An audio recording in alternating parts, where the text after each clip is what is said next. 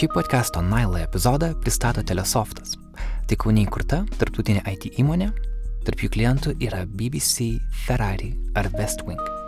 Sužinokite daugiau jų tinklalapyje telesoftas.com. Iš kažkur yra tas toksai galvojimas, kad kompas yra bernų reikalas.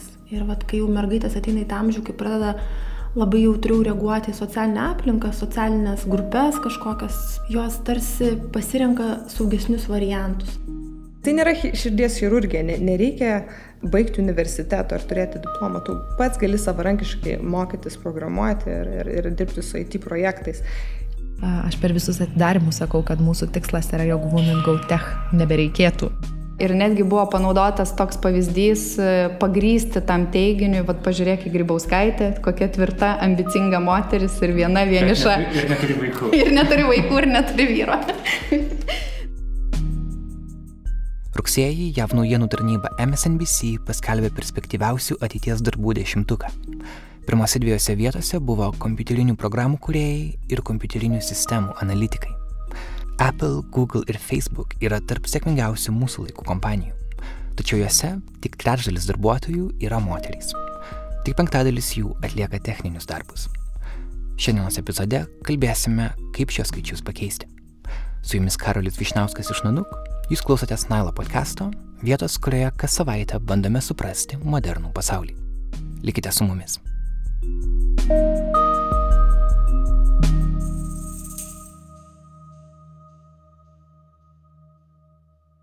Esu Vilniuje, greta Seimo, viename Lietuvos startuolių centrų Rise Vilnius. Čia sustinku su Aurelija Urbonavičiūtė. Jį kūrė Tipi - programą leidžiančią skirtingose vietose esantiems žmonėms dalintis darbais ir juos aptarti. Panašiai kaip Facebookas, tik skirtas darbui. Mes šiuo metu turim apie 300 aktyvių kompanijų, kurios naudoja tipi kaip produktą ir tos kompanijos yra įvairiose šalise iš tikrųjų turim iš Amerikos, visai nemažai iš Niderlandų, Vokietijos, Skandinavijos šalis. Rais erdvė yra labai graži, tokia skandinaviškai lietuviško dizaino. Čia dirba programuotojai ir kiti IT specialistai. Kiekvienas turi savo skirtingus projektus, bet kartu jie yra ir bendruomenė. Tik kol kas čia praktiškai vien vyrai. Aš esu vienintelė moteris vadovė iš čia visų esančių startuolių. Nu, reiktų dar pasičekinti, ar iš naujų netėjo kažkas, tai, bet iki šiol tai buvo. Ir plus, e, kai važiavom, aš su savo startuoliu laimėjau važiuoti į tokį Startup Roadshow, kurį Startup Lithuania finansavo, tai aš buvau vienintelė moteris iš startuolių važiuojanti ten. Ir jų statistika yra, kad kasmet maksimum viena moteris važiuoja ir laimi tame konkurse. O kiek iš viso važiuoja? Tai šiemet važiavo septyni startuoliai ir aš buvau viena moteris, bet važiuojančių ten kai kurie po du, tris komandos narius vežėsi ir visi būdavo vyrai ir aš viena. Pasaulinė statistika yra tokia, kad Amerikoje yra apie 36 procentai moterų ir jie traktuoja, kad tai yra labai prastas procentas startuoliuose, Europoje iki 25 procentų. O Lietuvoje dar mažiau. O Lietuvoje dar mažiau. Apskritai CEO ir įkūrėjų E, startuolių nu, yra apskritai labai mažai. Bet yra labai gerų pavyzdžių. Pavyzdžiui, Dalė Lašaitė, kuri yra labai sėkmingos startuolių įkūrėja ir vadovė. Dalė Lašaitė yra įkūrusi CG Trader. Kompanija kuria 3D modelius kompiuteriniai grafikai ir virtualiai realybei. Tai yra tikrai ir tų pavyzdžių vis daugėja, bet jų yra nepalyginamai mažai. Bet man dabar labai įdomu, e, kuris aspektas tau yra įdomus, nes čia yra du aspektai mano manimu. Vienas aspektas yra Women in Tech, Tai reiškia moteris, kurios ateina dirbti į IT sritį. Ir kitas aspektas yra women entrepreneurship. Tai reiškia daugiau verslininkės, kurios startuolių, pavyzdžiui, kuriejos. Tai jeigu kalbant apie Women in Tech, ir aš ten labai tokia aktyvistė buvau ilgą laiką, nes aš ir Barclays dalyvavau Women in Tech judėjime, mano profilis turbūt yra įdomus tuo aspektu, kad aš labai anksti persikvalifikavau iš HR srities į IT, kas buvo labai neįprasta tuo metu, o dabar tų persikvalifikavimų yra vis daugiau, nes tarp mergaičių vis dar mokytis mokykloje IT sustiprintų, pavyzdžiui, lygių yra nepopuliaru vis dar. Ir todėl sėkmingos moteris, kurios ateina dirbti į IT sritį, jos labai dažnai persikvalifikuoja iš kitų sričių ir kitų specialybių. Tai va čia galima paliesti tas dvi temas. Viena tema yra Women in Tech, o kita tema yra Women Entrepreneurship in Tech Aurelija IT srityje dirba šešti metai. Visus juos kaip vadovė. Jos vadovaujamos komandos visada buvo dominuojamos vyrų. Anot Aurelijos, jie tiesiog buvo geriausi specialistai. Šiuo metu be jos taip dirba penki žmonės, keturi vyrai ir viena moteris. Kritikai sako, kad jeigu vyriškos komandos pasiekia gerus rezultatus, tai galbūt viskas tvarkoje. Galbūt nėra jokios problemos, kad IT srityje dirba tiek mažai moterų. Aurelijos to nesutinka. Moteris ir vyrai yra įvairių IT produktų naudotojai. Tai reiškia, naudoja produktus visi, ar ne, IT įvairias sistemas, programinę įrangą, appsus ir taip toliau. O jeigu juos kuria vien vyrai, tai jie ir sukuria produktus, kurias mėgs arba nori naudosis vyrai. Yra toks labai skandalingas pavyzdys ir dažnai jį naudoju, kodėl yra blogai vienalytės komandos. Mm, kažkada vienas iš pirmųjų tech produktų sukurtų buvo oro pagalvės. Ir aš šitą pavyzdį jau esu pasakojus iš tikrųjų. Ir oro pagalvės sukūrė vyrų inžinierių komandą.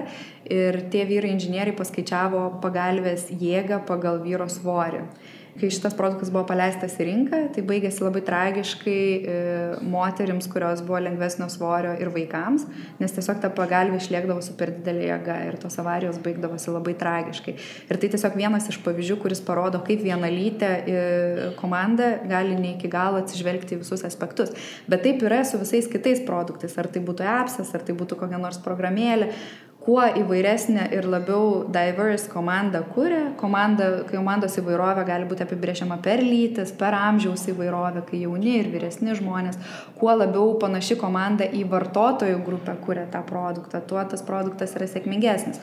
Todėl mano įsitikinimu ir tikrai iš patirties ir iš tyrimų įvairių, tai mišrios komandos yra pačios sėkmingiausios ir produktų rezultatai sukūriamais, patentais už, užregistruojamais, nes mišrios komandos daugiausia patentų iš tikrųjų užregistruoja ir taip pat atmosfera komandai, nes iš tiesų abi lytis įneša tam tikro šarmo į komandos dinamiką ir tai yra labai svarbu iš tikrųjų, kiek, kiek gerai žmonės sutarė, kiek jie gerbė vieni kitus, tai iš tiesų labai svarbu.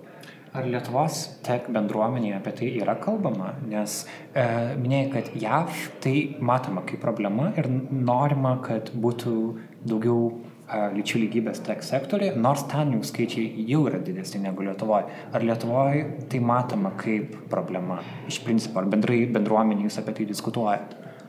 Manau, kad Lietuvoje labai buvo pajusta problema, kad moterų per mažai IT srityje, tada kai pradėjo trūkti IT darbuotojų. Ir tai įvyko prieš keletą metų, turbūt prieš kokius 4-5 metus, kai labai smarkiai pradėjo trūkti darbuotojų ir tada visi pagal, pradėjo galvoti, gerai, o tai kokios yra tos dar darbuotojų kategorijos, kurios yra neįtrauktos į darbo rinką. Ir labai akivaizdžiai matėsi moterų trūkumas. E, prasidėjo daug labai gerų iniciatyvų, kurios, mano manimo, jau dabar duoda daug gerų vaisių. Tai vienos iniciatyvos buvo nukreiptos į e, mergaičių, į IT srities populiarinimą tarp mergaičių mokyklose. Ir vis dar tai vyksta, vis dar e, įmonės siunčia savo darbuotojus, važiuoja į mokyklas, kalba apie tai, kad IT nėra tik programavimas, kad IT gali būti ir projektų valdymas, ir e, kokybės užtikrinimas, ir analitinis darbas susijęs su IT sritimi, vadovaujamas darbas galų gale. Ir manau, tai paskatina dalį merginų pasvarstyti apie IT kaip apie galimą studijų kryptį. Kitas labai svarbus momentas yra, ką dabar daro Women in Tech. Tai yra perkvalifikavimas iš kitų sričių į, į IT sritį. Ir iš tiesų konkursas yra didžiulis. Ir čia galbūt geriau galės papasakoti Women in Tech organizatoriai, bet šiais metais buvo atsirinkta iš kas aštunta mergina tik tais galėjo patekti, buvo toks didelis konkursas į šitą programą ir visos gavo mentorius, kur tie mentoriai padės pereiti į IT sritį ir toliau sėkmingai ten darbuotis. Tai visos tos iniciatyvos, daug labai apie tai kalbama, konferencijos netgi vyksta, kai kurios įmonės kaip Vinted, pavyzdžiui, ir dar kelios organizavo programavimo kursus pradedančiosioms merginoms, tai man atrodo duoda labai labai daug vaisių. Vyrai labai pozityviai žiūri iš tiesų į merginas ateinančias dirbti ir man atrodo yra labai pasikeitęs požiūris, labai padeda daugeliu atveju. Tačiau yra ta kitas rytis, apie kurią labai mažai vis dar kalbama, tai yra tas women entrepreneurship, tai yra moteris kaip startuolių įkūrėjos, kaip rizikingų verslų įkūrėjos. Tai apie šitą sritį Lietuvoje nekalbama, mano manimo, arba kalbama per mažai. Ir tai yra tas rytis, kuri dabar yra problemati, problematiškesnė, nes moterų dirbančių, kurios startuotų jaunus rizikingus verslus, yra be galo mažai. Man įdomu, kodėl taip atsitiko. Ar yra vis tiek, sekant Lietuvos startuolių istoriją, um, kodėl moteris tarsi tik dabar į šitą sferą ateina, o pačioje pradžioje jos buvo užmirštos? Manau, kad pačios moteris bijo rizikuoti. Iš tiesų, startuoliai yra be galo rizikingas verslas. Daug labai startuolių tiesiog užsidaro nesėkmingai, turbūt bijo tos nesėkmės, bijo rizikos ir ir neturi palaikymo iš aplinkos, kuris sakytų, jo, eik padarysi. Nes e, koks skirtumas yra iš tiesų, aš daug ir su draugais mes apie tai daug diskutuojam iš tiesų ir, ir aš tiesiog tokia išvada padariau, koks gali būti skirtumas. Kai vyras, pavyzdžiui, startuoja verslą, yra manoma, jeigu tai yra pirmas verslas, jo, jis gali padaryti jį sėkmingu, yra toks defaultinis pasitikėjimas, ar ne? Ir aišku, vyras gali sugriauti tą pasitikėjimą ir tada aplinka jo nustoja tikėti. Kai tuo tarpu, kai moteris startuoja verslą, ne, yra defaultinis nepasitikėjimas, tam tikra prasme jaučiamas iš aplinkos. Ir aš, pavyzdžiui, sulaukiau labai daug klausimų, ar tikrai čia tau, ar tu įsivaizduoji, koks tavo bus gyvenimo ir, ir darbo balansas, ar tu įsivaizduoji, kokia čia rizika, gal tu pasirink kažką paprastesnio. Tarsi visa aplinka bandė pasakyti, kad tu nesugebėsi. Subtiliai, tiesiai to nesakydami, bet visi ženklai tarsi tai rodė, kad tarsi yra kažkoks teore tvyrantis nepasitikėjimas. Ir tu turi jį už, laimėti tą pasitikėjimą, tu turi įrodyti, kad tu verta pasitikėjimo iš aplinkos. O kaip tai veikia tą spaudimą? Nes ypač startiniam etape tai gali labai sužlugdyti pačią motivaciją dirbti. Kas motivavo tave? Tai dažniausiai taip ir yra, todėl moteris prisiklauso va tos aplinkos šnapždėsių, nes tiesiai šviesiai niekas nepasako ir net nestartuoja. Ir lieka toj savo saugesniai pozicijoje, kurią palaiko visa aplinka, šeima, bendradarbė ir taip toliau. Ir kai aš pažiūriu moteris, kurios yra sėkmingos ir, ir dirba startuolių srityje ir ypač yra įkūrėjos, jos visas yra labai užsispyrusios ir turbūt reikia labai daug pastangų ir jėgos, kad, kad pro, pro tą sieną praeitum ir įveiktum ir sakytum, jo, aš galiu padaryti. Man tai buvo galbūt lengviau, todėl kad aš jau ne pirmą kartą tokį proveržį darau. Aš septynis metus dirbau HR srityje, HR vadovė personalo ir po to dariau pokytį, pereidinėjau į IT sritį ir tuo metu visa aplinka tvirtino, kad wow, kaip tau bus sunku, ar tu sugebėsi, ar galėsi. Ir aš sakiau, jo, sugebėsi. Ir buvo sunku iš tiesų ir tuo metu pati savim dvėjojau, bet e, buvo aplinkoje žmonių, kurie sakė, tikrai sugebėsi, tu užsispyrus, tu gali. Ir lygiai taip pat dabar toks padidelis pokytis pereiti į verslą. Vėl buvo nerimo, vėl galvojimo, ar pavyksta ar ne, bet, e, bet aš žinau, kad pavyksta, kai užsispiri ir darai. Ir tikriausiai ne visos moteris, ne visos merginos turi tą patirtį, kad gali pavykti, net jeigu tau visa aplinka aplink tvirtina, kad ne. Ir Lietuvoje egzistuoja didelis spaudimas moteriams susituokti, sulaukti vaikų, tu šio modelio netitinki. Ar dėl to tu patiri spaudimą, nes gali kitiem atrodyti, kad, aha, tu kuri verslą, dėl to tu nekuri šeimos, tarkim. Čia labai geras, žinau, klausimas ir šito klausimo niekada dar nesu gavus patiriu spaudimą labai didelį, o anksčiau patyriau jį dar didesnį. Tiesiog aš su, išmokau su juo tvarkytis. Jis irgi yra pakankamai subtilus, nes žmonės tau retai kada tiesiai ateina ir, ir pasako. Nors, vad galiu papasakot pavyzdį, istoriją, ką aš esu girdėjusi. Kai pradėjau dirbti vadovaujamą darbą, buvo žmonių, kurie atėjo man sakė, ambicingos moteris lieka vienos ir vienišos, tu nieko nesusirasi, mano pavardė Urbanovičiūtė ir turbūt daugam asocijavosi, kad aš neturiu antros pusės, kas buvo netiesa ir netgi buvo panaudotas toks pavyzdys e, pagrysti tam teiginiui, vad pažiūrėk į Grybauskaitę, kokia tvirta, ambicinga moteris ir viena vieniša. Ir neturi vaikų. Ir neturi vaikų ir neturi vyro.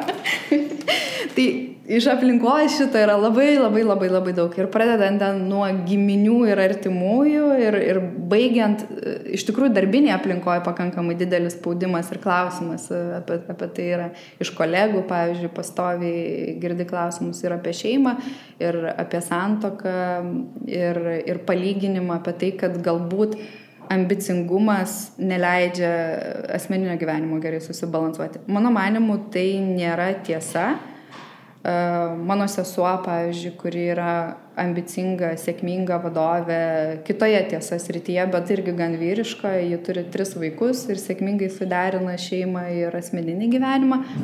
Mano pasirinkimas šituo atveju yra toks, aš tiesiog nenoriu dar vaikų, aš tiek daug visko noriu patirti, kad mano toks yra pasirinkimas, bet tai yra visiškai pasirinkimas, tai nėra tiesiogiai susiję dalykai.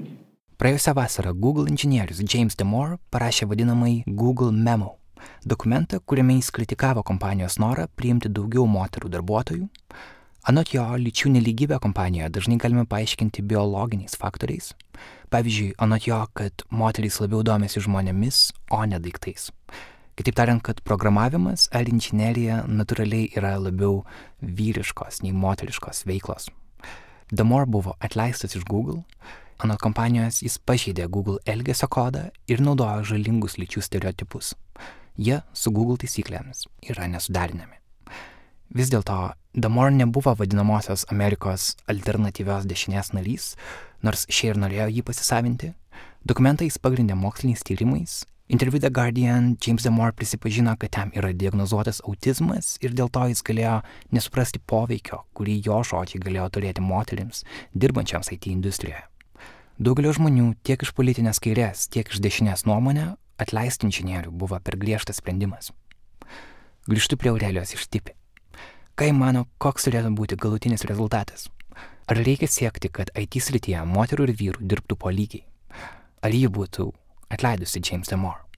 Siekiamybė ir tikslas yra, kad visi žmonės turėtų vienodas galimybės ir kad e, jaustų vienodą palaikymą iš aplinkos ir pasitikėjimą iš aplinkos tokį defaultų, ne? kad mes tikim, kad žmogus gali, nesvarbu kokios jis lyties, kokio amžiaus, ten rasės ir, ir taip toliau Ir, ir tada nuo jo pastangų tada priklauso arba kažkokių gebėjimų, ar jis tą padaro, bet kad defaultų būtų tikėjimas, kad nebūtų diskriminacija tuo aspektu, kad aplinka netiki vien dėl to, kad tu priskirtas kažkokiai kategorijai, pavyzdžiui, priklausai tam tikrai lyčiai arba priklausai tam tikrai rasiai.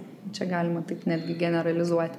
Tai man atrodo, čia yra sėktinybė, kad visuomenė palaikytų ir tikėtų individualiu žmogum, o ne kada nekategorizuotų ir juos dėtų į dėžutes kažkokias, o šitas bus sėkmingas dėl to, kad vyras, o šitas nesėkmingas, nes moteris, ne, o to vis dar yra. Bet to mažėja ženkliai mažėja. Ir labai faina už tai apie tai kalbėti, nes nu, tada visi tampa tokie labiau mąstantis apie tai, o kaip aš elgiuosi, ar aš skatinu. Nes daug labai kalbama ir apie tai, kad moterų, pavyzdžiui, pati mizoginė, nes uh, egzistuodavo tokie dalykai kaip kažkoks sėkmės pavydas arba ten dar kažkas, kad moteris viena kitai nepadeda, nekolaboruoja kas man atrodo iš vis dabar jau taip mažėja ir išnykinėja. Bet e, labai įdomus yra momentas, aš irgi kažkur pasakoju apie tai, kad mm, aš galvoju, kad čia yra posovietinis reiškinys, kad moteris nebendradarbiauja viena kitai, nepadeda ir kažkur yra tekę patirti tokį jausmą, kurio dabar mažėja ir tikrai taip atrodo, kad visa aplinka ir, ir moteris jungiasi, padeda viena kitai. Nu, tikrai labai smagu. Bet kalbėjau per vieną konferenciją su Portugalė, kuri sakė, oh, no, sakė, pas mus buvo lygiai tas pats ir labai keista ir labai faina, kad dabar tai keičiasi. Tai nėra tik, kad ten vyrai diskriminuoja moteris, moteris pačios tarpusavį kažkaip ne iki galo kolaboruodavo. Tai aš dabar grįšiu į tą klausimą apie tą Google e, situaciją. Tai apie Google, ką aš galvoju. Aš galvoju, kad buvo per daug atleisti tą žmogų, nes aš kažkaip šventai tikiu, kad uh, turi būti žodžio laisvė. Ir tu gali sakyti, ką tu nori, tu gali reikšti savo pažiūras, jeigu tai netrukdo tavo darbui, jeigu nėra kažkokio ten tiesioginio diskriminacijos veiksmo darbe, dėl kurio, pavyzdžiui, kažkas negavo darbo dėl lyties, tai sakyk, ką nori, čia turi būti žodžio laisvė. Tai man atrodo, kad buvo peržengtas to žodžio laisvės situacija. Iš kitos pusės jis iškėlė turbūt e, svarbu irgi labai klausimą, kiek mes norim skatinti tą lygybę ir ar norim tai daryti dirbtinais būdais, o dirbtini būdai e, finale virsta pozityvia diskriminacija, kuri irgi yra diskriminacija, ne, kai mes moteris labiau palaikom negu kad vyrus. Mano įsitikinimu turi būti lygybė ir, ir pasirinktas geriausias žmogus pagal įgūdžius ir gebėjimus ir potencialą, ne, nepaisant lyties.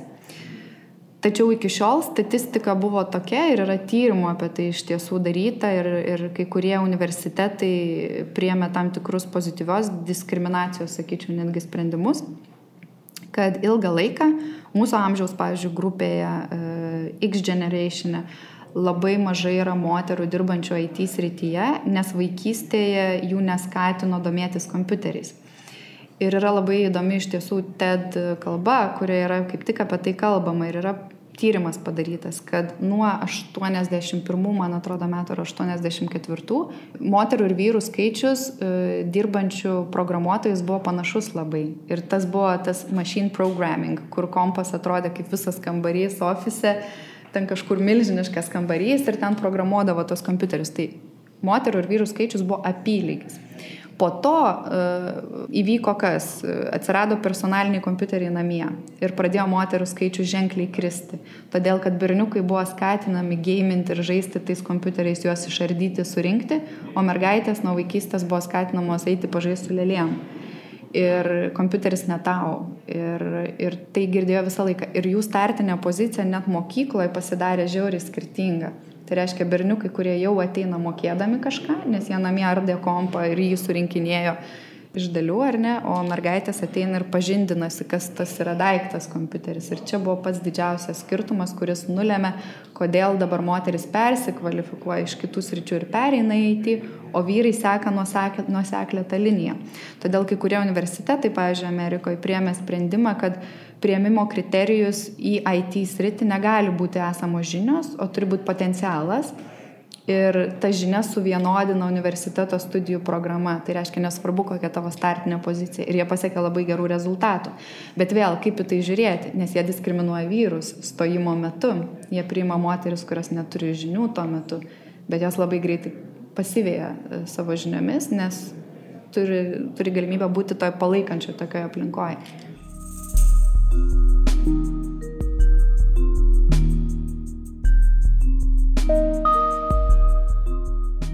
Back in 1985, I graduated with my degree in computer science. And 1985, well, I'll let you do the math on that. Uh, 1985 was a significant year, not just for me and my friends, but for women across the United States. That year, 37% of all of the undergraduate CS degrees went to women. And what that meant to me is that there were plenty of women in my classes and in the companies I worked at early in my career. But this has changed a lot. In 2011, TED kalba, kurią minėjo Aurelija, vadinasi Women in Tech – The Missing Force. Jos autorė yra Karen Catlin, 25 metus programas kūrusi mokslininkė. Kovo viduryje paskelbta, kad Tipi gavo 350 tūkstančių eurų investiciją iš dviejų skirtingų investuotojų.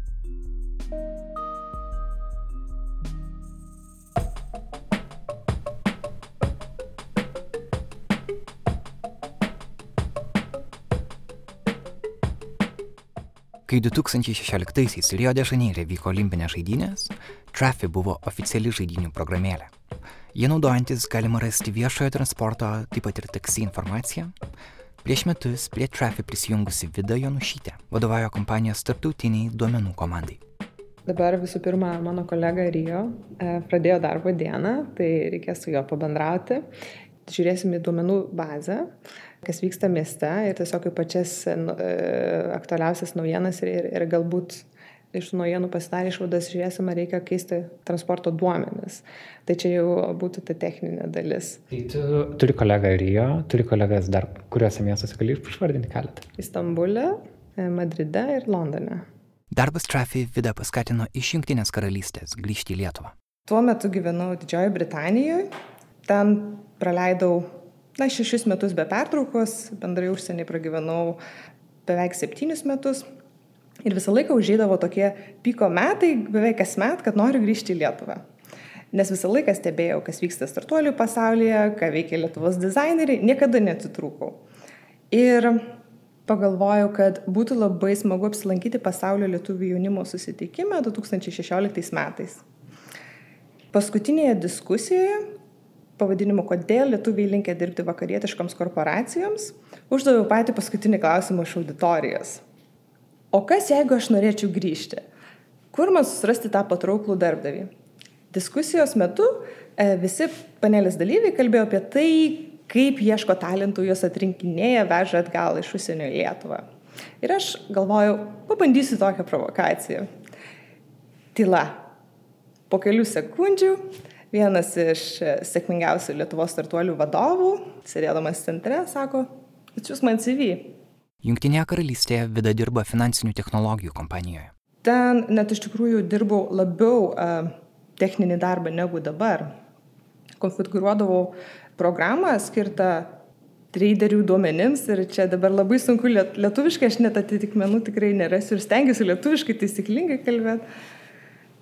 E, programa skirta buvo labai nišiniam e, finansiniam duomenims. Pavyzdžiui, viena, vienas iš projektų, kuris truko gal aštuonius mėnesius, e, reikėjo dirbti su commodities indeksais, traderiam, kur, pavyzdžiui, po kablelio kokie 4-6 skaičiai svarbu. Tai aš dirbau su programa ir padėdavau ją konfigūruoti, kad tie skaičiukai būtų teisingi ir po to traderiai priimtų teisingus sprendimus. Grįžus į Lietuvą, Vida tapo viena iš Women Go Tech programos mentorių. Jie rūpi, kad informacinių technologijų srityje būtų daugiau moterų, tačiau atėjus į Traffic Office, panašiai kaip ir Aurelijos atveju, akis užkliūna už to, kad ji čia be ne vienintelė. Galbūt dėl to, duodama interviu podcastui, ji nusipiešė ūsus.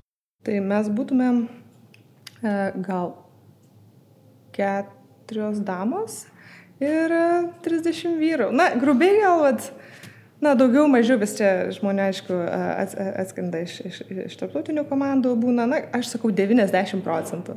Tai daug. Ir jeigu žiūri apskritai, kaip atrodo tek pasaulyje visas pasiskirstimas darbų didžiosiose kompanijose, mhm. jeigu paimi statistiką, pavyzdžiui, Apple yra 32 procentai moterų dirbančių, Facebook 35, Google 31 ir jeigu imi techninius darbus, patį jau programavimą ir panašius, tada tas procentas yra apie, apie 20. Lietuvoje, kiek teko domėtis, per pavyzdžiui, startuolių darbuotojų irgi dar yra dar mažesnis dažnai procentas būna ir tada galvoju, turbūt sakyti, kad vien pačios moterys nesistengia čia ateiti, tai būtų tarsi jų viskas suvertimas jom pačiam, ar tokios pačios nenori eiti. Bet turbūt yra viskas sudėtingiau, turbūt yra kažkokios priežastys, kaip šitą industriją veikia, kad moterys čia gal nesijaučia, kad jų čia kas nors laukia. Ir įdomu, kaip tau, kaip tu jautiesi, dėl to ar tu turi būti labiau vyriška, kad ją patektum. Pavyzdžiui, dabar tu nusipiešiai ūsus šitam interviu, tarsi norėdama tai parodyti.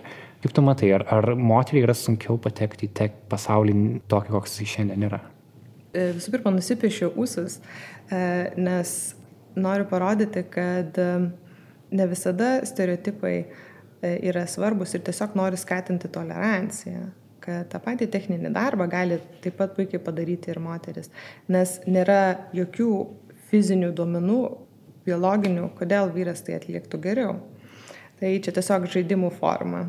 Taip atsitiko, kad e, statistiškai vyrai labai dominuoja šitais rytis šiuo metu, o šitais rytis yra ta, kuri dominuoja pasaulį tam tikrą prasme, nes Facebook, Google, Apple tai yra korporacijos, kurios kiekvienam žingsnį mūsų seka. Tai žinai, žiūrint tai plačiau, atrodo, kad jeigu vyrai valdo šias rytis, jie valdo pasaulį irgi tam tikrą prasme.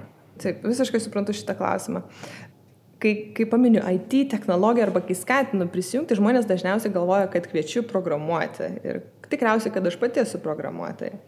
Bet dažnai žmonės nežino, kaip viskas vyksta organizacijoje, kaip dėliojasi procesai, kad pavyzdžiui, e, user experience, user interface, um, project uh, ownership yra tos pozicijos, ta, ta va, dalis projektų, kurie iš tikrųjų viską diktuoja. Tai nors jų yra mažuma ir tos pozicijos galbūt net būtų populiaresnės tarp moterų, bet jos lemia tą eigą. Ir programuotojai tada turi atitinkamai prisitaikyti ir atitinkamai sukurti produktus. Kalba neina tik tai apie inžineriją. Tai va, todėl tuos skaičius galima skirtingai interpretuoti. Tai atrodo, kad dauguma inžinierių vyrai, tai viskas ne, bet o kas, kas jiems vadovauja, ne, kaip vyksta tos povandeninės rovės. Lietuvoje tai skaičiai normalu, kad yra mažesni, nes mes visų pirma vis dar vejamės e, tarptautinius startuolius ir, na, tai yra norma. kiek bendrai pati esi vat, girdėjusi iš e, tų moterių, kurios studijavo Lietuvoje, tai ateina tos didžiulis spaudimas, ypatingai universitete. Kodėl pasirinkai tą profesiją, kuri nu, neskirta moteriams? Tai dažnai būna, kad pačioje pradžioje moteris kažkaip persigalvoja, bet tiesiog be jokios tikros priežasties, bet kažkokio nesuprantamo spaudimo. Dabar aš tai tikrai labai džiaugiuosi, kad yra ir, ir, ir ne viena programa skatinanti prisijungti. Nes tai nėra širdies chirurgija, nereikia uh, baigti universiteto ar turėti diplomą. Tu pats gali savarankiškai mokytis programuoti ir, ir, ir dirbti su IT projektais. Ir startuoliai, jaunos kompanijos yra orientuotos į rezultatus. Jie neprašys diplomo ir tai jiem tikrai nieko nesako. Jie tiesiog paprašys parodyti, ar tu gali padaryti tai, ko jiem reikia. Todėl ta situacija labai lietai, bet keičiasi. Ir svarbiausia, kad e, palaikymas ateitų ir iš vyrų. Pavyzdžiui, ši Women Go Tech programa, galbūt labiausiai matoma Lietuvoje, surenka pusę mentorių vyrų ir pusę moterų. Ir todėl aš tiesiog nesijaučiu, kad tas skatinu tą atotrukį. Yra taip žodis moteris programos pavadinime, bet vis tiek jaučiuosi, kad tokia forma jau, jau, jaučiama didesnė pagarba moteriai. Bet aš vis tiek grįžtu prie to klausimo, ar industrija iš savęs yra taip dar suformavus, kad moteris čia nesijaučia laukiamos. Ar lyties faktorius veikia kažkaip tech industrijoje tavo manimu?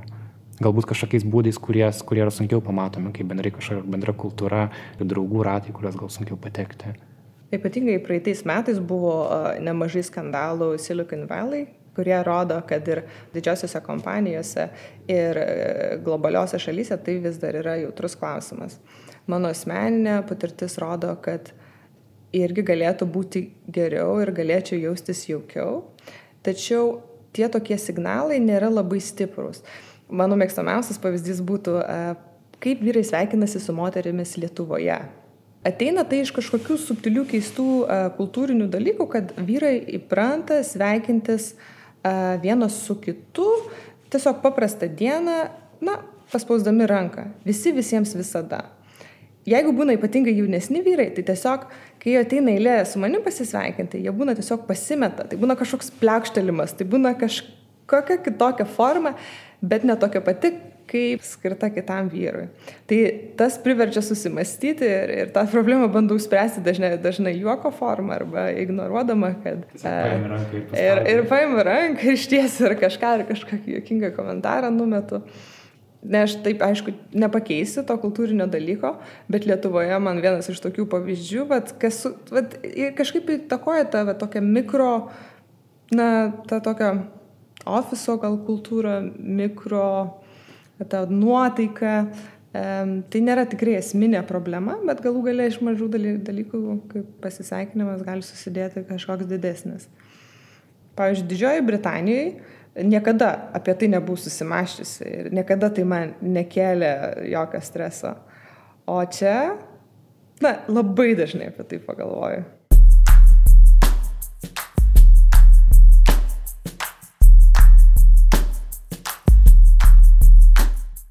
Primenu, kad jūs klausotės Nailo podcast'o. Šiandienos tema yra moteris Lietuvos IT industrijoje ir kaip pasiekti, kad čia jų būtų daugiau.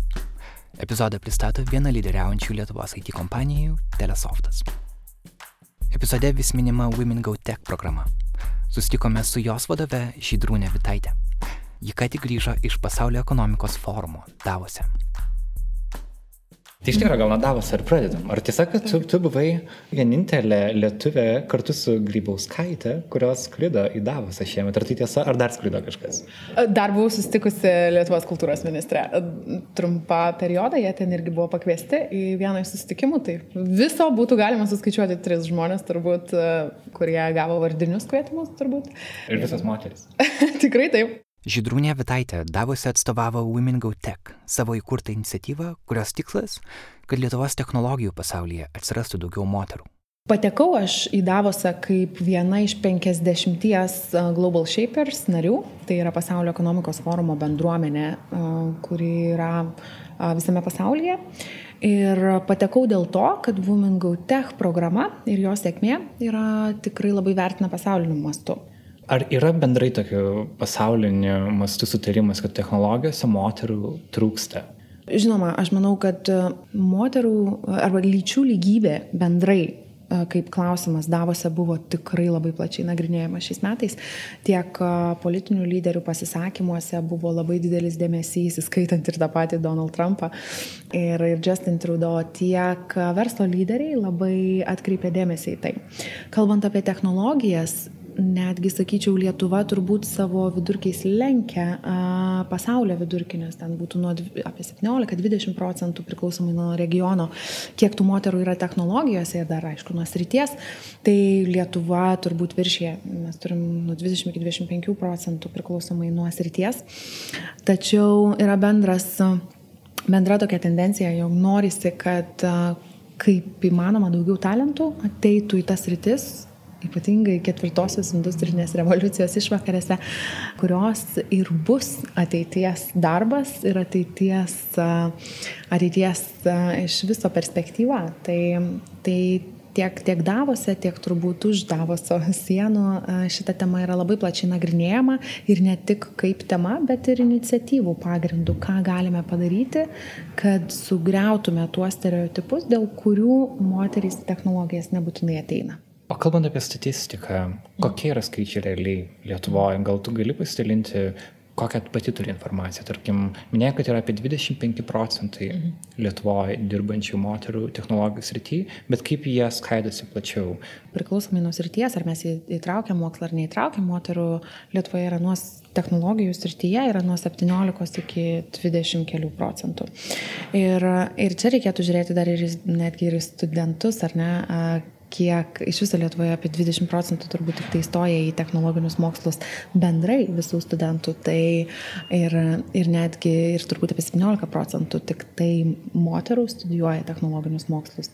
Tai, tai tokius skaičius aš turiu, tačiau labai priklauso, matot, ką mes vertinam, ar mes vertinam ir ką įskaitom kaip technologinius mokslus, ar mes vertinam tik tai, tik tai IT ir telekomunikacijas, ar mes taip pat įtraukiam inžineriją, ar mes taip pat įtraukiam biotehnologijas ir panašiai.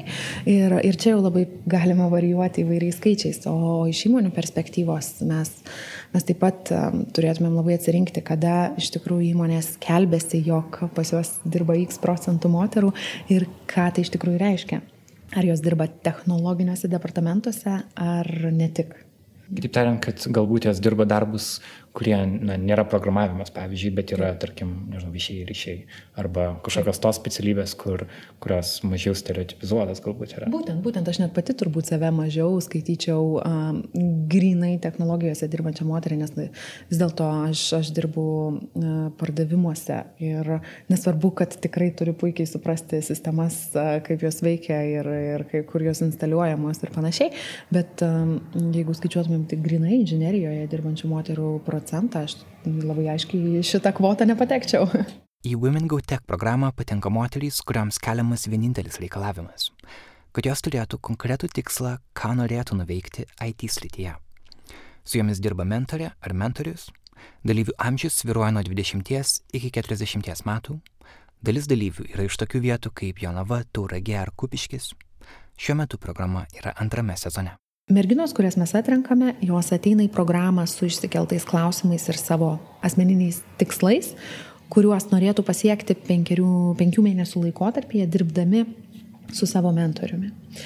Tai yra kasmėnesiniai susitikimai, galbūt truputėlį dažnesni, čia jau priklauso nuo abipusio žmonių susitarimo, tačiau ta mentorystės programa taip ir veikia, kad mes turime specialistus, kurie sako, jog noriu padėti ir tikrai galiu ir turiu kompetencijų ir žinių. Ir turime merginas, kurios labai aiškiai apsibrėžia, kas yra tai, ką jos galėtų pasiekti per visą šitą mentorystės laikotarpį. Kada jūs pradėjot?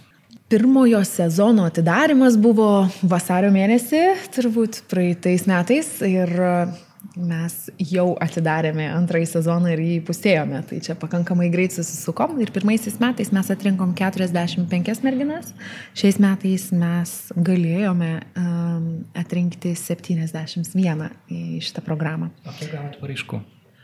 Šiais metais, jeigu nesmeluosiu, 459. Turbūt metais. 251 turbūt. Kitaip tariant, pateko 50, o buvo 250. Mhm. Tai čia kaip į rimtą studijų programą, stojimo Taip. toks konkursas. Tave tas nustebina, ar ne? Nes kai tu sukūrėjai pačią idėją, kad tokios mentalystės programos reikėtų, tavo klausimas, ar tikrai jos reikia, ar jūs surinksite dalyvių, ar ne? Aš manau, pirmais metais natūralu, tam, kas gimsta iš, iš idėjos, iš kažkokių vidinių jausmų, kad tai gali veikti, reikia įrodymo ir įsirodymo, kad tai tikrai yra efektyvu. Ir mes nelabai žinojame, ar Lietuvai tai tikrai aktualu, nes viešumoje yra įvairiausių komentarų nuo to, kad čia tų moterų nereikia ir, ir kovos, kad, žinote, visos šitos programos yra, yra tiesiog dar didesnis lyčių atskirimas iki to, kad kokią reakciją mes gavom iš tikrųjų iš rinkos. Tačiau natūralu, pirmais metais buvo labai smagu matyti visą šitą rezultatą, nes, nes jis tikrai parodė, kad yra interesas ir poreikis ir noras. Tik tai galbūt ne, nežinojimas kaip, kur, kodėl. Antraisiais metais toks, toks kandidačių kiekis yra rezultatas Women Go Tech komandos darbo ir žinoma didesnės klaidos, pirmųjų metų rezultatų, nes šiais metais mes net į mentorius turėjom konkursą, žmonės tikrai norėjo padėti ir prisidėti prie, prie talentų auginimo ir tai irgi jau buvo rezultatas dėl to, kad pirmaisiais metais mes iš tikrųjų išėjom pakankamai skambiai. Žydrūnė Vitaitė Women Go Tech iniciatyvą mato kaip laikiną projektą. Aš per visus atidarimus sakau, kad mūsų tikslas yra, jog Women Go Tech nebereikėtų. Tai mūsų noras yra, kad kuo daugiau moterų, merginų eitų į plačią visuomenę ir pasakotų apie savo darbą, kuris yra technologijose, tam, kad kuo daugiau jaunų žmonių, galbūt jaunų merginų į jas lygiuotųsi. Tai kuo mes plačiau pasieksime, kuo mes daugiau turėsime kokybiškų, sakau, patirčių, tuo turbūt didesnė sėkmė mūsų lauks.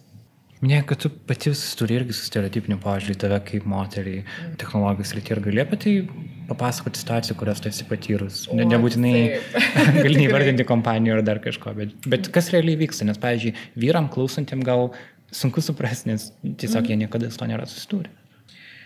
Taip, aš pradėjau dirbti telekomunikacijų sektoriui ir Aš turėjau įvairiausių patikrinimų ir išbandymų, kada specialiai yra užduodami klausimai, ar tu tikrai supranti, kaip atrodo triple bandinė antena tam tikrose dažnėse ir kada aš šneku su inžinieriais ir netgi užduodu jiems atgal klausimus, tai įsitikinant ir įtikinant, kad tikrai suprantu ir tikrai mačiau, kaip tos antenos atrodo iš vidaus, ar ne, tai tokių įvairiausių situacijų. Esu buvusi viename susitikime, kuriame akivaizdžiai uh, kelis kartus tuo metu, kai aš jau buvau įmonės vadovė, mane palaikė vertėja. Nes tiesiog buvo statybų sektorius, mes renginėjome duomenų sistemas darbo vietoms ir aš buvau atsakinga už projekto valdymą tuo metu ir, ir turėjau inžinierius, kurie buvo atsakingi už projektavimą ir, ir darbų vykdymą. Ir susitikime aš pati atsakinėjau į klausimus, kurie buvo susijęs su techniniais aspektais, galbūt netokiais giliais. Ir, ir susitikimo vadovas kelis kartus perklausė savo kolegės, o kodėl jie atsakinėja, nes aš taip suprantu, kad jie atėjo išversti. Ir mes paskui vakarieniavom su, su tuo klientu ir jisai po pusės metų turbūt prisipažino ir atsiprašė už, už savo iš ankstinę nuostatą, kuri buvo labai įprasta tuo metu ten statybų ir, ir IT sektoriui. Su Žydrūne Vitaitė kalbamės kompanijos Eldės biure Ši kompanija gamina apsaugos sistemas ir jas eksportuoja į 50 šalių, nuo Europos iki Azijos ir Latino Amerikos. Žydrūnė yra pardavimų grupės vadovė. Kaip ir Rice ir Traffic ofisuose, Eldės komanda kol kas taip pat praktiškai visiškai vyriška. Man labai gaila ir aš tą savo keliu kaip uždavinį, bet mūsų R&D departamente nėra nei vienos Mes turime dvi moteris, tris moteris pardavimų departamente. Viena iš jų vadovauja techninės pagalbos, galbūt reikėtų taip vadinti, skyriui. Ir mes dvi esame pardavimų departamente, kas yra turbūt 14 žmonių iš viso. Ir tada, natūralu, HR, finansai ir, ir, ir panašiai. Tai tų moterų dirbančių eldės yra tikrai nedaug ir jeigu va, žiūrėtumėm į, į technikos departamentus, tai dar reikia daug ką nuveikti. O kiek iš viso dirba technikos de departamente žmonių? Turbūt 20-30 mm. max. Yra žmonių, kurie kritikuoja visą tokią mhm. įvairovę skatinimą kompanijos, jie sako, kad jeigu natūraliai taip susiklostė ir jeigu kompanija gerai veikia, jeigu jums pavyksta parduoti savo apsaugos sistemas visam pasauliui, gal čia nėra jokios problemos. Gal mhm. taip jau yra, kad štai uh, vyrai kuria signalizacijas ir kitas sistemas ir jiems tas gerai sekasi ir gal, pavyzdžiui, tarkim, moterų įstraukimas tarsi sujauktų visą jų darną. Galima taip galvoti. Tu turbūt taip negalvoji. Man natūralu kyla klausimas, o kodėl taip susiklostė? Ar todėl, kad tikrai moterys nenori ir negali, ar todėl, kad niekada nematė, kad moterys tai darytų? Aš tikrai ne prieš, kad žmonės renkasi tai, ką, kas jiems norisi ir ką jie gali padaryti geriausiai. Tačiau kur kyla man didžiausias klausimas, ar tikrai visus variantus žmogus besirinkdamas įvertino objektyviai. Ir taip, žinoma, verslai, verslai veikia pakankamai, pakankamai gerai, turint ir vienokias, ir kitokias komandas. Yra daugybė analizių, kada moterys įneša pelningumo, kada išneša pelningumo ir panašiai. Priklauso, kuria, kuria nori tikėti ir kuria nori remtis. Tačiau aš pati remiuosi žinot, daugiau ir asmeninė patirtimi, ir, ir savo šeimos patirtimi. Stodama į universitetą aš tikrai nevertinau tai to, tai yra darbo technologijose arba technologinių mokslų kaip galimybės. Ir lygiai taip pat po universiteto, rinkdamasi savo profesiją, aš pati nuoširdžiai nemačiusi labai daug pavyzdžių, maniau, kad e, čia ne man, kad aš nesugebėsiu, kad čia man yra neįdomu, nors niekada nebandžiau ir tikrai neturėjau loginio atsakymo, kodėl.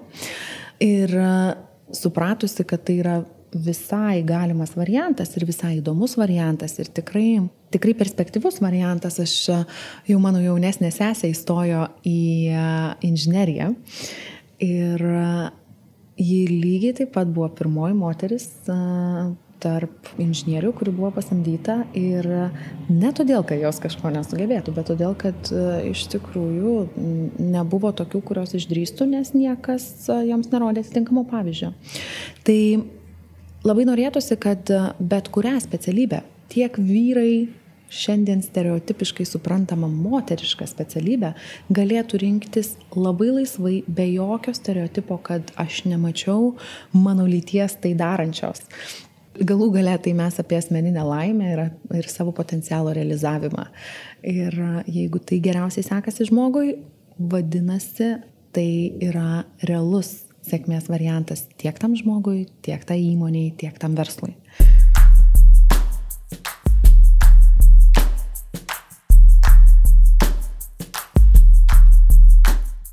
Epizode likščiau kalbėjome apie susiformavusius stereotipus, kokios veiklas neva yra vyriškos, o kokios moteriškos. Mokymo programos Bit and Byte įkūrėja Monika Katkutė Gelišinė dirba su 7-12 metų vaikais, kuriems stereotipai dar nerūpi.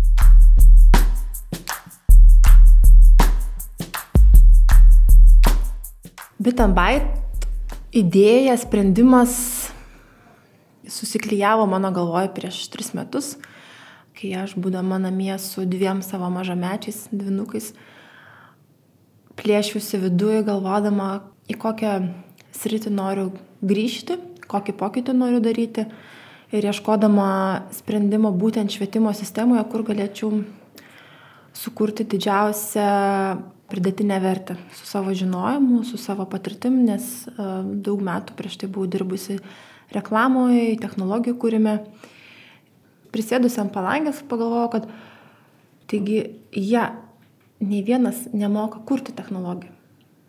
Mes galim vaikus mokyti įvairiausių įdomiausių dalykų, bet mes jų nemokom užkurti 21 amžiaus ugnies. Tai mes nesutikėm jam galimybės pradėti nuo pradžių dalyvauti technologijų industrijoje, o atvedam juos jau į sukurtą, suaugusių sugalvotą, pridėtinės vertės jiems nekūrančią industriją. Kaip tariant, mes galim išmokyti juos, kaip naudotis iPad'u, bet ne kaip sukurti iPad. iPad'as jau yra sukurtas taip, kad sukuria tau iliuziją, kad tu esi genijus, nes mokiai jį naudotis, bet iš tikrųjų jie jį testuoja su vaikais, su seneliais, kad jo valdymas ir naudojimas būtų toks intuityvus, kad tu jame jaustumėsi laisvai, jį naudodamas, kad tai būtų tavo įrankis, kuris nesukurtų tau kažkokio taip vidinio pasipriešinimo. O technologinis mąstymas, kūryba iš esmės yra neišvengiamai frustracijos reikalaujantis dalykas. Tai nesvarbu, ką tu kuri, ar piesę, ar žaidimą, ar kažkokį kitą technologinį sprendimą, tas kūrybinis frustracijos lūžio momentas vis tiek turi įvykti. Ir jis yra daug mažiau patogus negu iPad naršymas. Bit and Byte programoje šiuo metu dalyvauja 800 vaikų, jie su mokytojais susitinka savaitgaliais. Susitikimai vyksta įmonių biuruose, pavyzdžiui, tokių kompanijų kaip vienas sėkmingiausių Lietuvos startuolių Pixel Matter. Programos mokytojai yra realiai dirbantys technologijų kompanijose žmonės.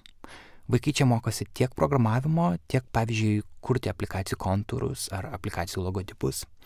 Ir programa neapsiriboja vien Vilniumi. Kovo mėnesį mes realiai su savo šeštadieniais užsiemimais startuojam Plungiai, Raseiniuose ir Berlyne. Apie 15 procentų bit and byte dalyvaujančių vaikų yra iš pažeidžiamų socialinių grupių, kaip iš vaikų namų, tautinių mažumų šeimų ar mažiau turtingų šeimų. Ateidami į užsiemimus, ypač mieste, jie nei vienas nežino, iš kur kitas, kokia kita socialinė aplinka. Galbūt kažkokie yra simboliai, galbūt nusistebi, kad uh, neturi telefono, ar pas, nusistebi, kad jie ateina pasitikti vis kitas žmogus, bet e, darbo procese jie to nejaučia ir niekas apie tai net nekalba.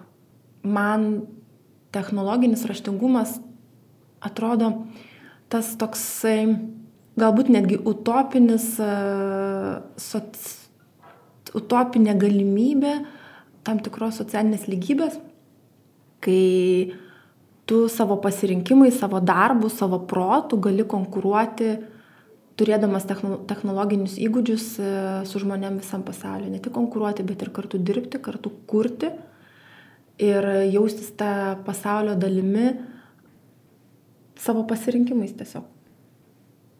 Ir iš tų 800 vaikų, kiek maždaug yra mergaičių ir berniukų šiuo metu?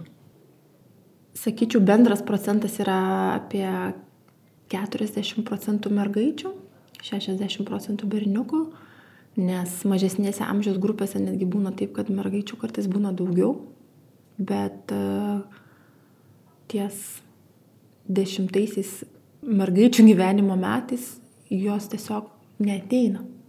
Bet kodėl? Toks kompleksinis yra dalykas. Tai pirmas dalykas, kad tokio amžiaus uh, vaikų pasirinkimus dažnai lemia tėvai, tai tėvai vis dar IT programavimas labai skamba kaip niš, niša ir labai dar daug reikia kalbėjimo apie tai, kad technologijos yra visur ir kad technologinis raštingumas yra hygiena 21 amžiaus e, vaikų. Kitas dalykas yra tai, kad e, berniukai dažniau įsitraukia į tas tokias, į kompiuterius per žaidimus ir tėvai galvoja, kad jiems tai yra įdomiau tik dėl to, kad jie žaidžia, o realybė yra tokia, kad jie tiesiog nėra bandę kitaip, tos pačios mergaitės nėra bandę kitaip. Ir turbūt trečias dalykas yra, kad iš kažkur yra tas toksai galvojimas, kad kompas yra bernų reikalas. Ir vat, kai jau mergaitės ateina į tą amžių, kai pradeda labai jautriau reaguoti į socialinę aplinką, socialinės grupės, kažkokias pasiskirstimą, jos tarsi pasirenka saugesnius variantus. Ir būna, tarkim, tėvai pakomentuoja, kad mano dukra, jai labai trūksta erdvės saviriškai ir jai galbūt reikėtų įti menus, į, į šokius ir panašiai, bet tai yra taip įdinga, nes saviriškos reikia visiems, ir berniukam, ir mergaitėm, ir berniukam irgi taip pat reikia šokti, atsipalaiduoti, jausti ritmą, muziką, įsilieti, bet suvokti ir mąstyti ir kurti technologijas, nes tai yra jų darbo pagrindiniai įrankiai dabar jau ir ateityje, tai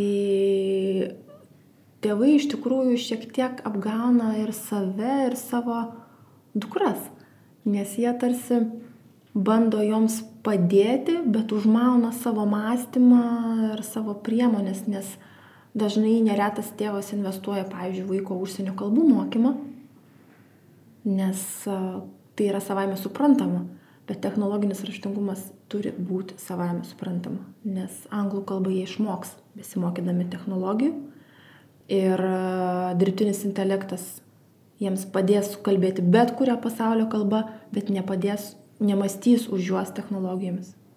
Jo, tai aš teisingai suprantu, kad jeigu mergaitė, pažiūrėjau, yra 7 ar 8 metai, tėvai ją leidžia į jūsų mokyklą, Bet kai jai, pavyzdžiui, ateina 10 ar 11 metų, tada nusprendžia, kad jau užteks, jau nebereikia, jo tie laikas kitiem dalykam.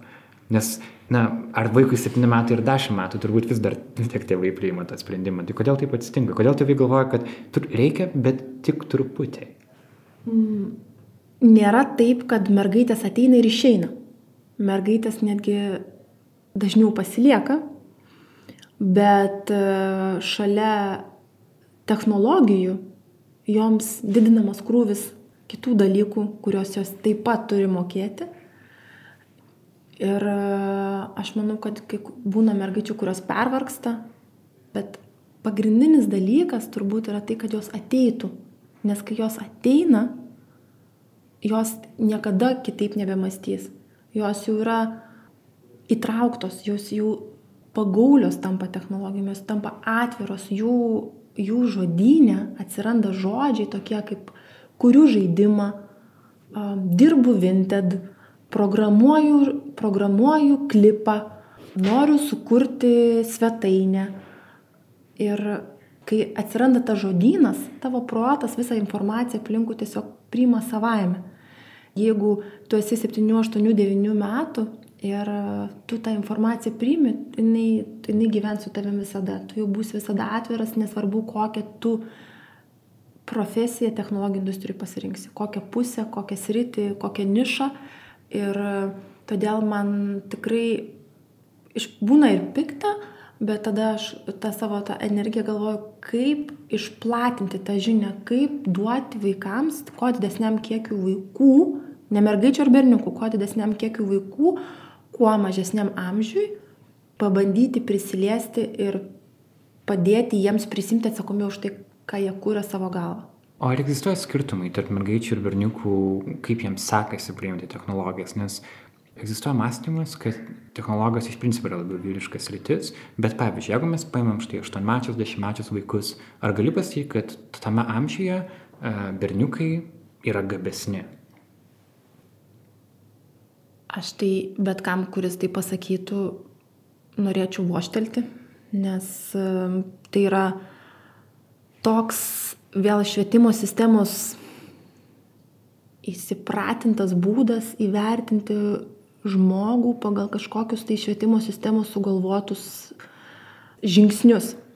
Nes e, technologijų kūrimo procese vaiko kiekvieno projektas yra labai individualus ir tu vis tiek turi stebėti kiekvieno vaiko augimą, jo susitelkimo lygį, pasigilinimą, kiek jisai kartu sugeba pataisyti, ar jis suvokia plačiau, ką jisai iš tikrųjų daro. Nes yra ir šitas momentas, kad jie daro, daro, daro, bet galbūt po dviejų mėnesių tik suvokia, ką darė anksčiau. Todėl čia aš kalbėčiau turbūt visada plačiau apie patį vat, švietimo kontekstą ir vaiko augimo kontekstą mokantis technologijų. Ir išskyrus e, vaikų asmeninius kažkokius tai polinkius, gebėjimus, pagaulumą, lyčių skirtumo nėra jokio. Man atrodo labai svarbu yra, kad jūs ir mergaitės, ir berniukus mokot kartu. ir kad jie įpranta būti kolegos nuo mažens. Nes dažna problema dabartinėje IT industrijoje yra tai, kad tai jau yra suformavę vyriški kolektyvai savom taisyklėm, savais pokštais, e, savom kažkam grupelėm ir jie ten ateiti turbūt yra daug sunkiau. Ir kada tu nuo pat mažens pradedi parodyti, kad jūs visi gali būti kartu. Galbūt tie vaikai jau kai kur savo kompanijas, kažkokius savo startupus, pas juos tokios grupelės nesusiformuos, kai jie nuo mažens bus įpratę dirbti kartu. Galbūt tai yra viena iš jūsų idėjų. Tikrai taip ir pats grupinis mokymasis yra svarbus. Ir ta grupė turi būti įvairi, nes įvairovė užtikrina atvaizdavimą realybės geresnį, įvairesnį, įvairesnį nuomonių išgirdimą ir tiesiog kokybę pačio produkto. Tai jau čia jau ta, tas vadinamas visas diversity judėjimas, tai jisai apima ne tik lytį, bet ir socialinius įvairiausius sluoksnius ir panašiai. Nes technologijos turi tą tokį neigiamą pusę, kur jos puikiai veikia individualiam darbui. Tai yra žmogus gali užsidaręs Rusija vienas pats darbuotis ir vis tiek kažką sukurti Todėl aš sakyčiau, kad tas grupiniai susėjimai atvirkščiai mes netgi stengiamės vaikus iš, įtraukti į bendradarbiavimą, jie vienas nuo kitų nusirašinėja.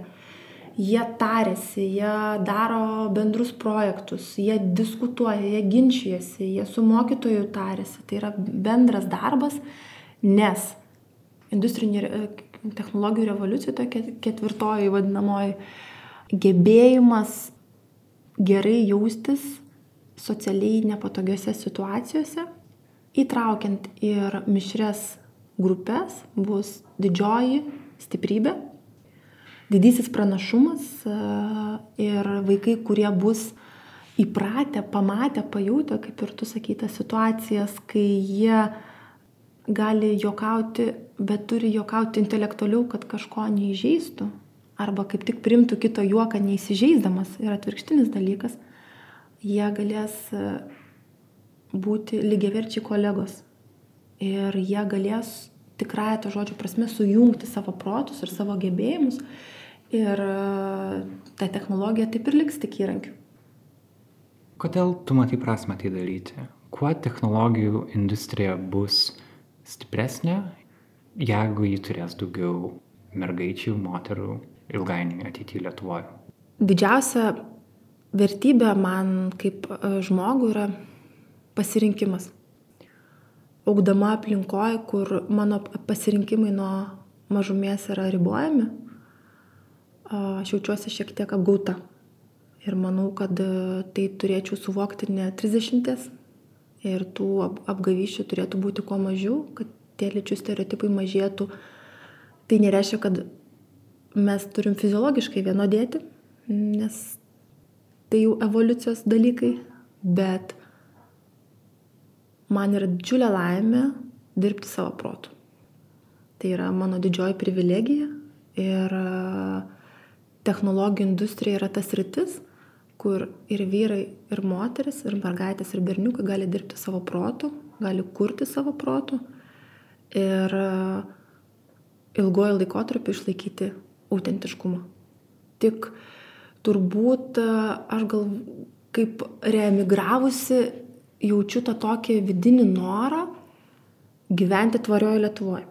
Ir tas tvarumas reiškia, kad mes pasaulyje turim konkuruoti ne pigia darbo jėga, o protų, už tą pridėtinę darbo vertę. Tai tada, jeigu pradedi nuo tos, noriu gauti gerą pensiją ir pradedu eiti žemyn. Kad gaučiau gerą pensiją, vadinasi, mano mūsų žmonės turi uždirbti geresnius negu vidutinis pasaulio atlyginimus. Ir tada žiūri, kuri industrija tai gali užtikrinti plačiaja prasme ir turbūt e, technologijos ateina kaip numeris vienas. Tai labai turbūt kartu ir pragmatiškas pasirinkimas, bet e, didžioji misija ir didysis iššūkis yra tai įlieti į švietimo sistemą kad technologinis raštingumas netaptų švietimo sistemos dalimi, o sugriautų stereotipų švietimo sistemos ir leistų jai užaukti iš naujo.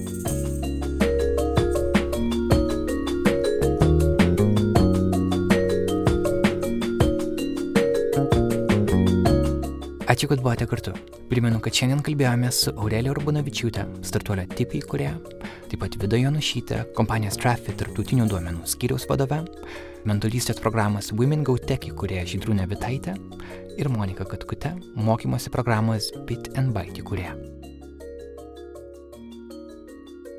Nuorodas į visų jų darbus galite rasti podcast'o tinklalapyje naila.lt. Taip pat ten galite rasti ir visų pašnekovių nuotraukas, kurių autorius kolega fotografas Mindaugas Drigotas. Epizodo garso inžinierė yra Kata Bitoft, o muzikos autorius Martinas Gailius iš Soda Sounds. Epizodą vedžiau ir produsavau aš Karolis Višniauskas, jį pristatė Telesoftas. IT kompanija, kuri taip pat skatina įvairovę technologijų srityje Tinklalapyje telesoftas.com pamatykite jų darbus. Jeigu jums patinka Nailo podcastas, prisidėkite prie mūsų Patreon kampanijos. Šiandien turime 168 žmonės, kurie per mėnesį surinka 818 dolerių podcast'o kūrybai. Tai yra be galo daug. Ačiū Jums už tai. Mūsų tiklas yra 2000 dolerių, tad galite padėti jį pasiekti. Ačiū naujausiams prisijungusiems rėmėjams. Tai yra Džina Danauskaitė, Goda, Augustė D, Vaidotas Mikočiūnas, Viktorija Uke ir Justina Brazaitė. Mūsų kompanijos adresas yra patreon.com pasirasis brūkšnys nanuk multimedia. Dar kartą patreon.com slash nanuk multimedia kaip vienas žodis. Ačiū, kad esate kartu. Susitikime kitą antradienį. Tada pasidalinsime interviu su amerikiečių režisieriumi Sean Baker. Kino pavasarį jis pristatė vieną puikiausių metų filmų - Floridos projektas. Iki. thank you